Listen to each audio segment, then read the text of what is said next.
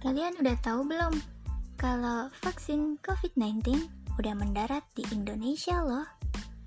Jadi ada sekitar 1,2 juta dosis vaksin asal Tiongkok yang tiba tanggal 6 Desember kemarin. Tapi masyarakat masih cemas nih. Apakah vaksinnya bisa berfungsi dengan baik tanpa menimbulkan efek samping? Bahkan ada juga yang berpikir bahwa yang disuntikkan nanti berupa chip untuk mengendalikan manusia. Wah, udah kayak plot film aja nih. Padahal kan vaksinnya berupa cairan. Maka dari itu, Presiden Jokowi menyatakan bahwa beliau akan menjadi orang pertama yang akan divaksinasi agar masyarakat percaya bahwa vaksinnya itu aman, guys. Beliau menyatakan juga bahwa vaksin COVID-19 ini sepenuhnya gratis untuk masyarakat. Tapi sebelum semua itu, ada beberapa aspek nih yang perlu dipenuhi. Yang pertama, menunggu izin dari BPOM.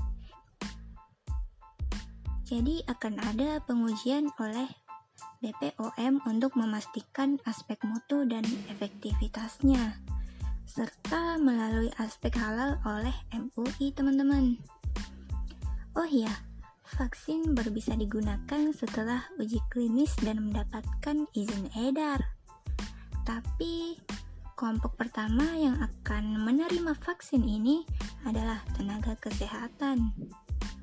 Dan akan ada 1,8 juta dosis vaksin yang menyusul pada awal 2021 nanti. Vaksinasi ini hanya boleh digunakan oleh orang sehat aja usia 18 sampai 59 tahun. Dan seperti yang aku bilang tadi, kelompok pertama yang akan divaksinasi yaitu tenaga kesehatan Nah, setelah itu baru deh didistribusi daerah di Indonesia secara bertahap.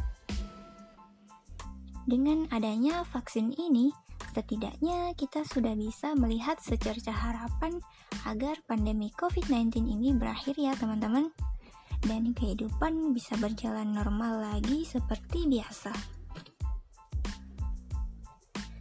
Nah, itu dia informasi yang bisa aku bagikan ke kalian di podcast kedua aku ini. Stay safe dan keep healthy guys. Makasih udah sempetin waktunya untuk dengerin podcast ini. Bye.